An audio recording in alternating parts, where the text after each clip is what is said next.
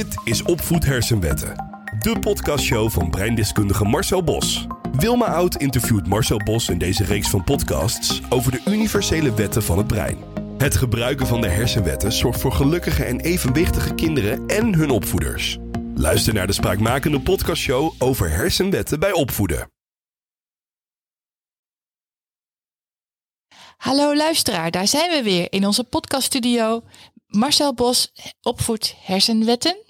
Heb ik dat goed, Marcel? Ja, dat klopt helemaal. Ja, het is elke keer weer even zoeken naar uh, welk deel van uh, de titel het belangrijkste is: hersenwetten of opvoed. En bovendien hebben we het ook steeds over onszelf in deze podcastreeks. over onszelf. Want uh, alles wat geldt voor de opvoeding van kinderen geldt ook voor onszelf in dit leven als volwassenen. Absoluut, ja. Ja, ja, ja.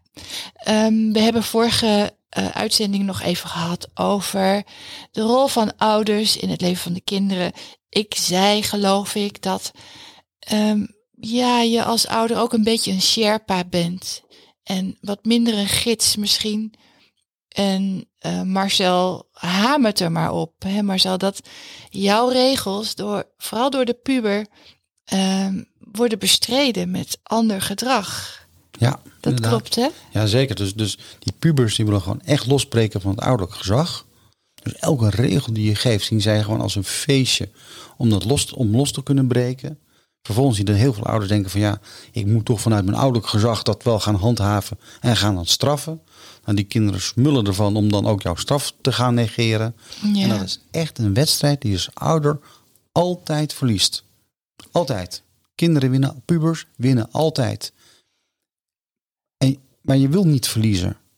En, en wat betekent dat verliezen dan? Dat als je te streng bent in die periode, dat op het moment dat ze dan 18, 19 zijn en uit huis gaan, dan zie je ze gewoon drie jaar niet. Ja. En, en, en, en, en nou ja, Pubers winnen altijd. pubers winnen altijd. Dus je kunt maar beter de strijd niet aangaan. Maar je mag wel kaders stellen. Ja, dat zeiden we ook al in de vorige uitzendingen. Ja. Liever kaders dan grenzen. Ja, absoluut. Binnen de kaders kun je je bewegen. Binnen de kaders kun je je bewegen en, en, en dat grenzen stellen. Dat geldt niet alleen van ouders naar, eh, naar kinderen toe. Maar je, zegt ook, je ziet ook tegenwoordig veel vrouwen die zeggen... Ja, ik moet leren grenzen stellen. Nou, dat, dat systeem werkt gewoon dus niet. Want op het moment dat je als vrouw zijnde je grenzen gaat stellen... dan geef je dus iemand anders de macht en de kans om over jouw grens heen te gaan... Waardoor je je aangevallen voelt, waardoor je je ongelukkig voelt, waardoor je je beledigd voelt, waardoor je je onveilig voelt en noem maar op. Maar dat heb je dus zelf aangestuurd. Weg met de grenzen. Weg met de grenzen. Ja, wat veel beter werkt is dat jij gewoon in balans bent en dat je in je kwetsbare gedeelte niet geraakt kunt worden. Ja, ja, ja. Toch uh, moet je dingen niet toestaan als vrouw, als man. Ja, maar, maar kijk, op, op het moment, ik ga mijn grens stellen. En mijn grens is, jij mag mij geen klootzak noemen. Bijvoorbeeld, om maar even een, een streng Ja. woord uh, te pakken. Ja. Nou, dan is de kans dat mensen mij dat juist gaan noemen heel erg groot. En als ze mij dat noemen, dan ga ik me ongelukkig voelen. Ja, Dus ik geef de macht aan de mensen die woorden gebruiken die ik niet wil, om ervoor te zorgen dat ik mij ongelukkig voel. Ik kan ook het voor mij zo ombuigen dat ik in balans ben. En of iemand mij wel of niet uitscheldt, dat me dat helemaal niks doet. Ik word er niet emotioneel door geraakt, want ik ben in balans. Vervolgens kan ik wel tegen die persoon zeggen van joh, als je zo tegen mij praat, dan stopt hier onze communicatie, want ik vind niet oké dat je zo met me bespreekt. En dan draai ik me om en ben ik weg. Ja. Maar het raakt me niet in mijn, in mijn emotie. Op het moment dat je grenzen stelt, dus dan, dan, dan raakt het je wel in je emotie. Ik, wat ik zelf altijd lastig vind aan grenzen, is dat het dan wel mijn grenzen kunnen zijn, maar dat ik die niet aan een ander kan uitleggen. Ja, en, en je kunt ze niet aan een ander uit, uitleggen, maar vaak hebben ze überhaupt al niet eens uitgelegd. Dus hoe kun je nou dat als, als je niet vertelt aan de ander wat jouw regels zijn, waar jouw grenzen zijn, verwacht dat de ander zich daaraan houdt? Mhm. Dat kan Ja, nou niet? zeker. Dat is een. Dat, ja. dat, is, dat is toch een oneerlijke partij. Dus die ander voelt zich ook weer oneerlijk behandeld.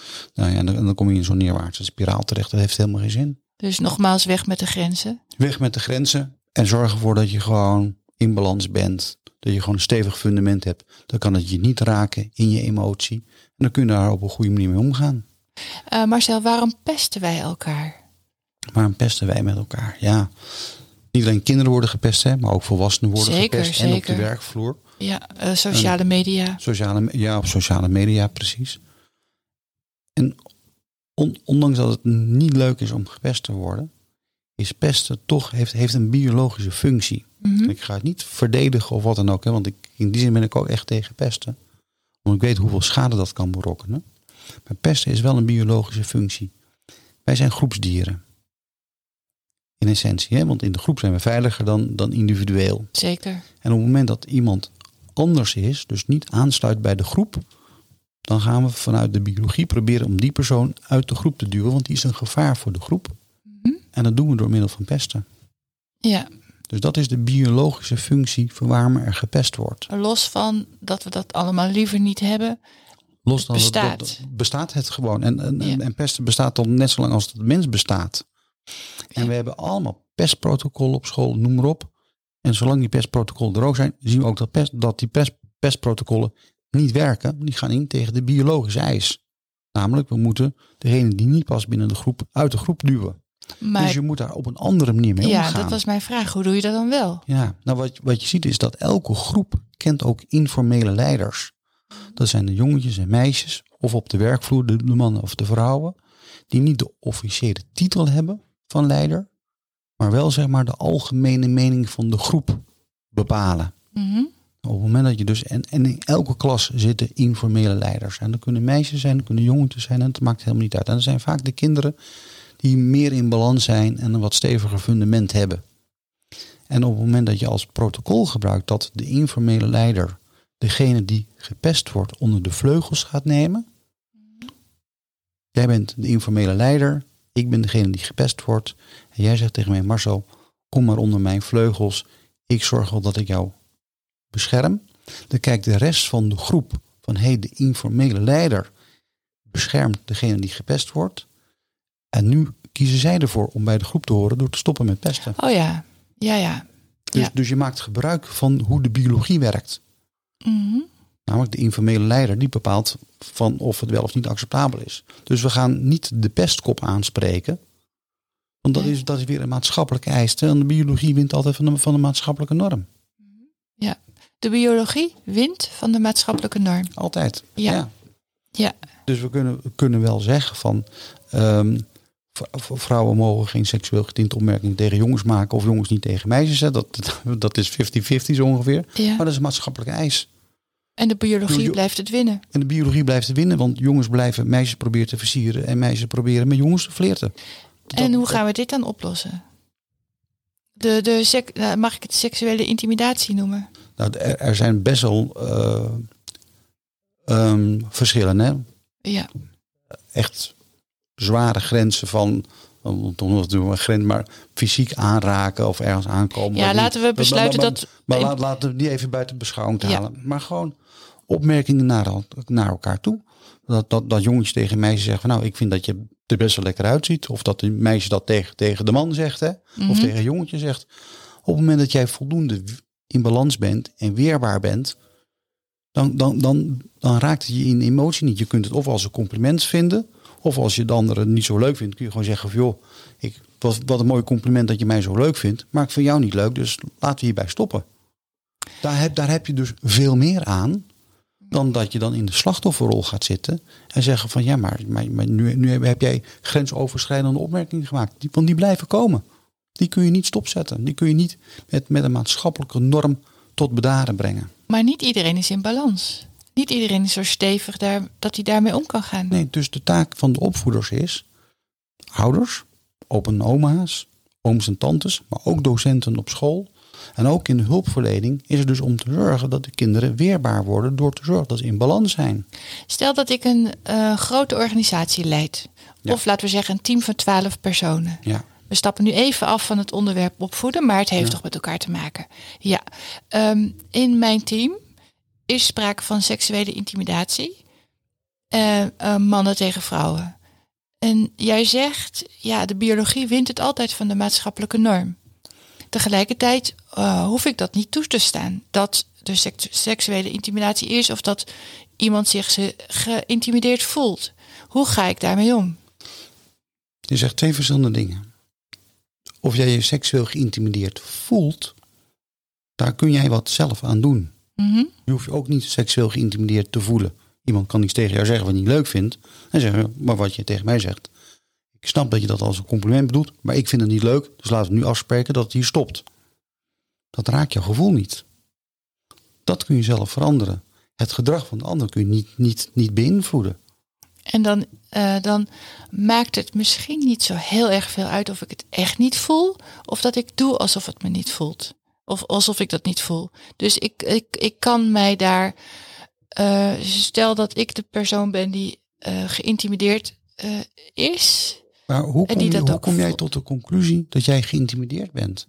Nou, dat maak ik op. Stel je voor dat het zo is, hè? Dat, laten we daar even duidelijk. Dat maak ik dan op uit de teksten die gebruikt worden. Maar je kunt tien jongens op een rijtje zetten. Hm?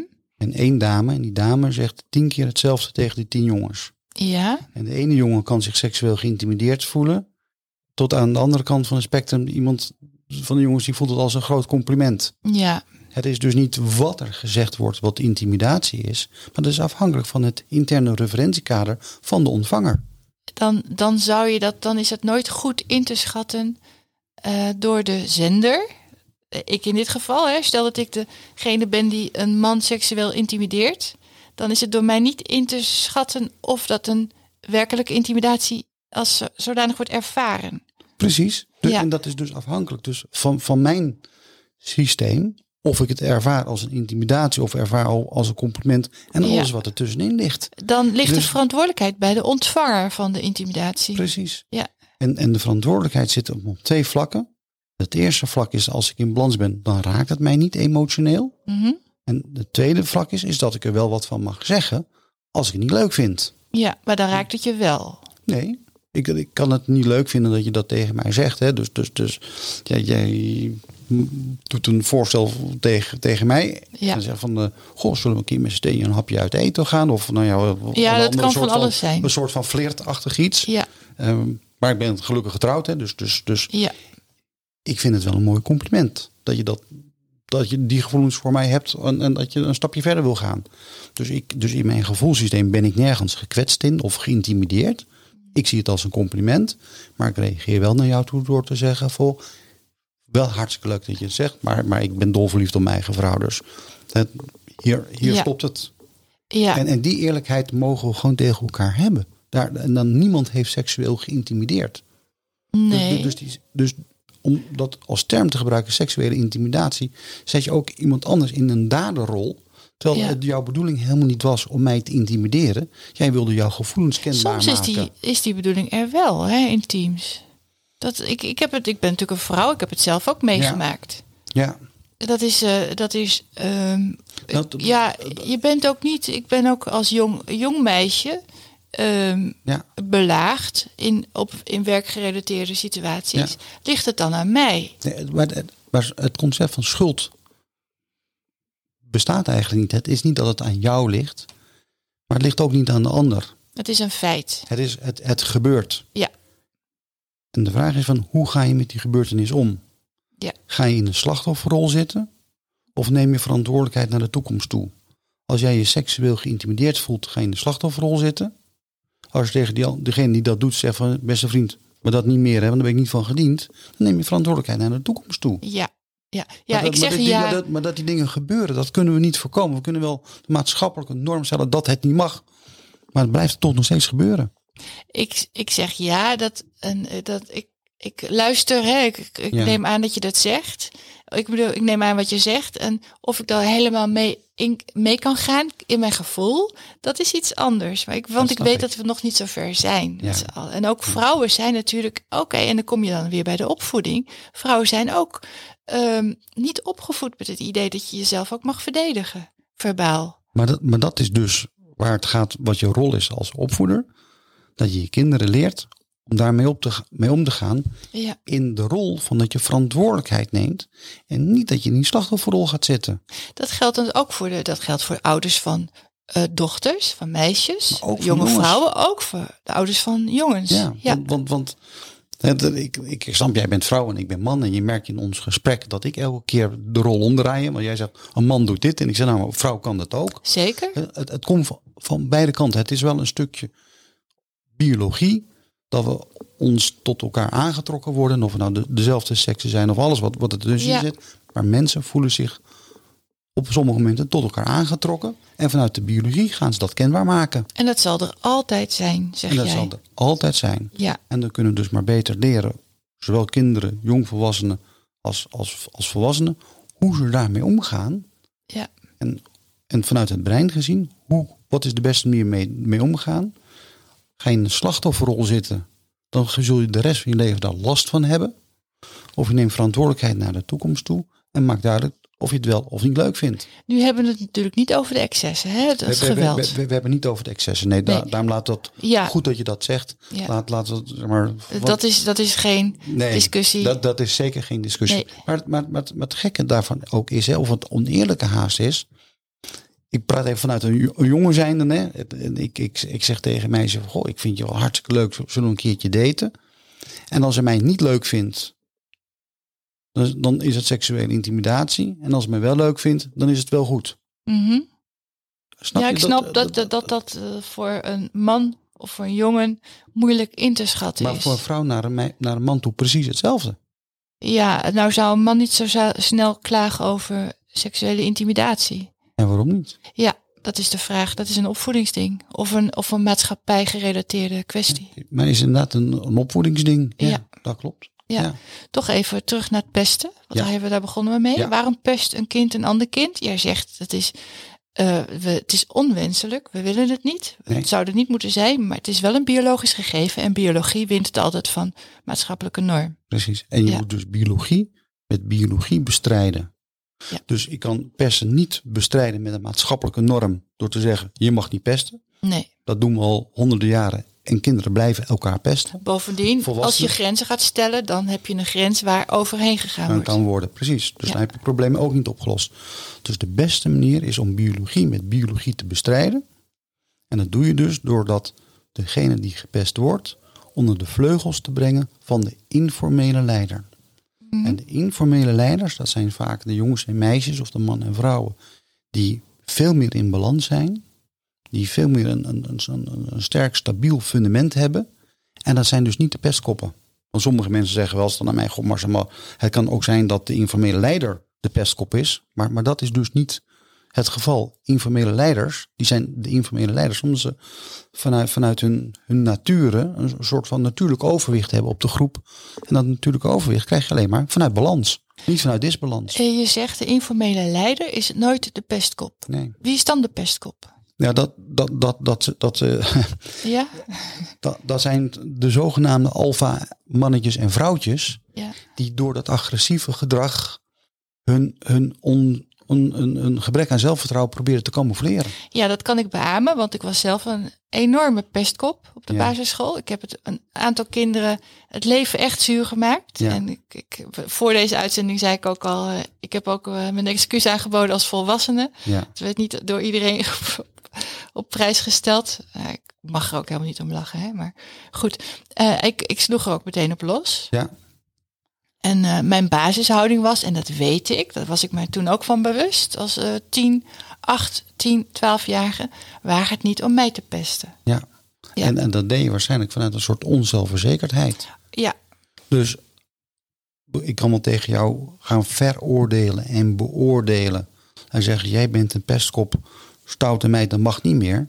Maar daar zit dus geen oplossing in. nee, want dat is, uit, dat is uitvoerig geprobeerd. Ja, en dat werkt dus niet. Nee. Maar als ik jou zou helpen als ouder zijnde of als opvoeder zijnde...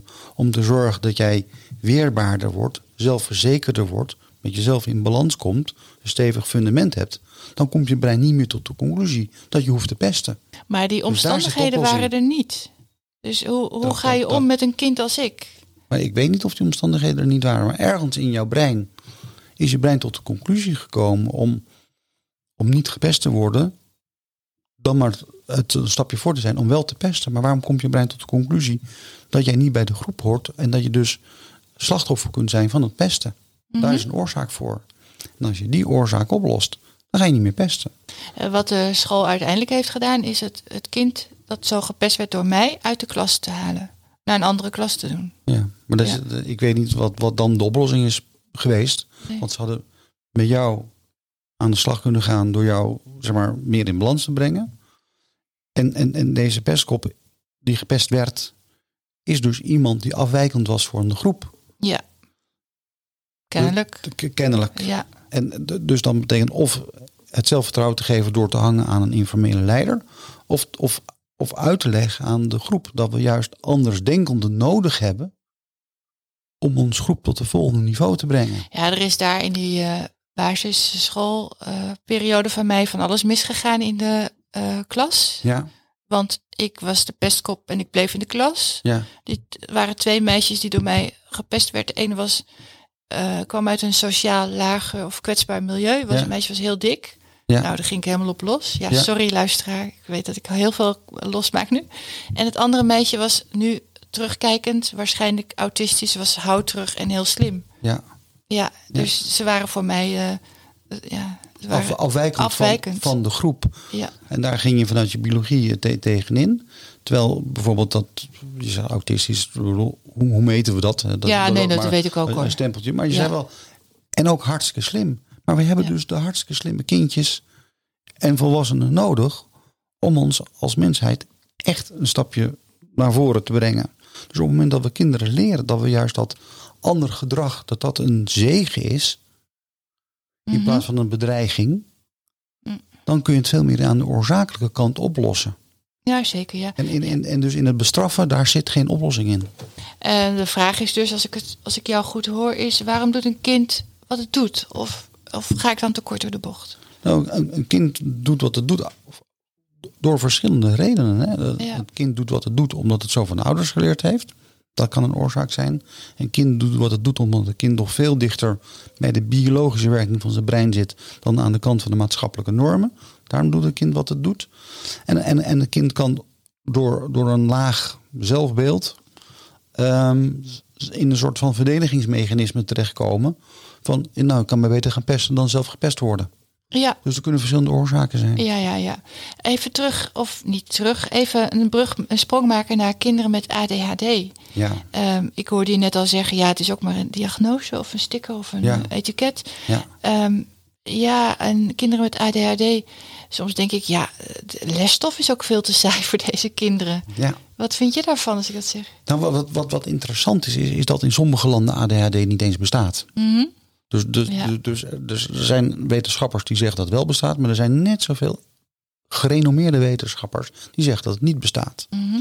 Nu is het zo dat, dat, dat een diagnose die gesteld wordt over het functioneren van het brein ehm, vaak tot stand komt op basis van waarnemingen en, en van vragenlijsten. En dat in zich heeft al een hele groot risico dat het niet klopt. Mhm. Heb je, heb je echt iets dat jouw brein niet goed functioneert, dan kun je dat gewoon objectief met, met een fMRI-scan gewoon zien dat bepaalde onderdelen niet goed functioneren. Dan zou je een veel betrouwbare diagnose kunnen stellen. Maar als het gaat over het functioneren van gedrag, of het bestuderen van gedrag of het invullen van vragenlijsten, dan heb je een hele grote kans dat de diagnose niet klopt. Mhm. Precies het voorbeeld wat je aangeeft. Kindjes die zijn tegenwoordig wat intelligenter dan vroeger, gemiddeld genomen. Dan zitten ze in de klas, dan krijgen ze lesstof die volledig niet relevant en volledig oninteressant is. Wat gaan ze doen? Ze gaan lopen kloten. Als ik naar een lezing moet met een oninteressante spreker, ga ik bij wijze van spreken ook lopen kloten. Ja. Ik weet me nog net een klein beetje te gedragen vanwege de maatschappelijke norm. Maar dan halverwege denk ik, nou, ik, ik loop weg. Want die kindjes mogen niet weglopen uit de klas. Dus ze hebben geen andere optie dan lopen kloten. Dat is vervelend voor de docent, dat snap ik. Maar de oorzaak van het probleem is niet dat het kindje ADHD zou hebben. Maar de oorzaak is dat de lesstof niet aansluit op hun. Nou, het interessante daarvan is hè, dat als je op, ik kom met veel ouders daarmee in gesprek die mij een vraag over stellen. Die voelen toch wat weerstand om dan hun kind meteen Ritalin te geven. Hè. Dat, en dat snap ik ook. Dat, dat ondersteun ik ook heel erg. En dan vraag je in de school. Wat, wat, waar, waar heeft jullie kind nou, wat is zijn hobby of haar hobby? En dan zeggen ze, nou dat, eh, dat is eh, het sterrenstelsel of dat zijn specifieke stenen en zo. En gewoon als ze daarmee bezig zijn. Hoe lang kunnen ze dan geconcentreerd daarmee bezig zijn? Nou zeggen die ouders, als ze daar eenmaal in zitten, zijn zomaar een uur, anderhalf uur geconcentreerd bezig. Ja, dan zeg jij dat kan geen. Dat is. Dat kan geen ADHD nee, zijn dus. nee. Hoewel er bestaan natuurlijk wel. ehm, ja, afwijking is een groot woord, maar er bestaat wel zoiets als een brein dat zich niet goed kan concentreren. Dat bestaat wel. Zeker, maar, maar, maar, maar, je ziet dat, dat eh, bepaalde stoffen. We, hebben- we hebben verschillende hersencellen. We hebben exciterende hersencellen, die maken, maken drukte. Je zegt existerende? Ja, exciterende. Ja. hersencellen. En we hebben inhiberende hersencellen. Inhiberende. Inhiberende, die haalt de boel naar beneden toe, dus je rustig wordt. Oké. En exciterende hersencellen, die zorgen dat je druk bent. Hebben we dat allemaal? Dat hebben we allemaal. We In al- verschillende verhoudingen. Eh, normaal gesproken in, in ongeveer dezelfde verhouding als, als iedereen. Maar er zijn bepaalde stoffen, bijvoorbeeld GABA. eh, dat, dat is een E-nummer die bijvoorbeeld in, eh, bij chips zit. En andere voedingsstoffen. Dus als je heel veel GABA eet, bepaalde E-nummers in chips, dan worden je exciterende neuronen, hersencellen, aangejaagd. Dus dan word je drukker. Ja. Maar ligt het dan aan de voeding die we eten? Of ligt het dan aan het feit dat je ADHD hebt en Ritalin moet hebben? Geef jij het antwoord maar. Ja, het ligt aan de voeding wat we eten. Ja. Ja. Ja. Dus, dus er zijn veel meer aspecten voor nodig om te kunnen bepalen of iemand echt heel erg druk is. Ehm, en dan is er überhaupt nog maar de vraag van, en moet je dat dan bestrijden met geneesmiddelen of is iemand gewoon hartstikke druk? En dat is ook prima. Ja, ja, goed. Interessant. Laat, laten we. Ik stel voor dat we hiermee eh, Ja. deze uitzending eh, stoppen. Het is toch al 25 minuten, bijna een half uur zijn we aan het praten met elkaar. Inmiddels is de luisteraar op de bestemming aangekomen. Ja. Want zoals we al weten, de meeste mensen luisteren deze podcast in de auto. Ja. Ja, en in Nederland, hoe, ver moet je rijden om een half uur eh, ergens? Ik denk dat de meeste mensen ongeveer een half uurtje van hun werk zitten Ja, als ze niet zeker, in de file terechtkomen. Eh Ja. Dankjewel Marcel. Ja. En jou, ook, jou bedanken wij ook, luisteraar. Altijd hartstikke leuk dat je er bent. Stel je vraag, mocht je die hebben, aan Marcel via info.opvoedhersenwetten.nl. Ehm, en we zijn heel blij als je een review achterlaat in de podcast app. Tot de volgende keer. Tot de volgende podcast. Snoop Dogg.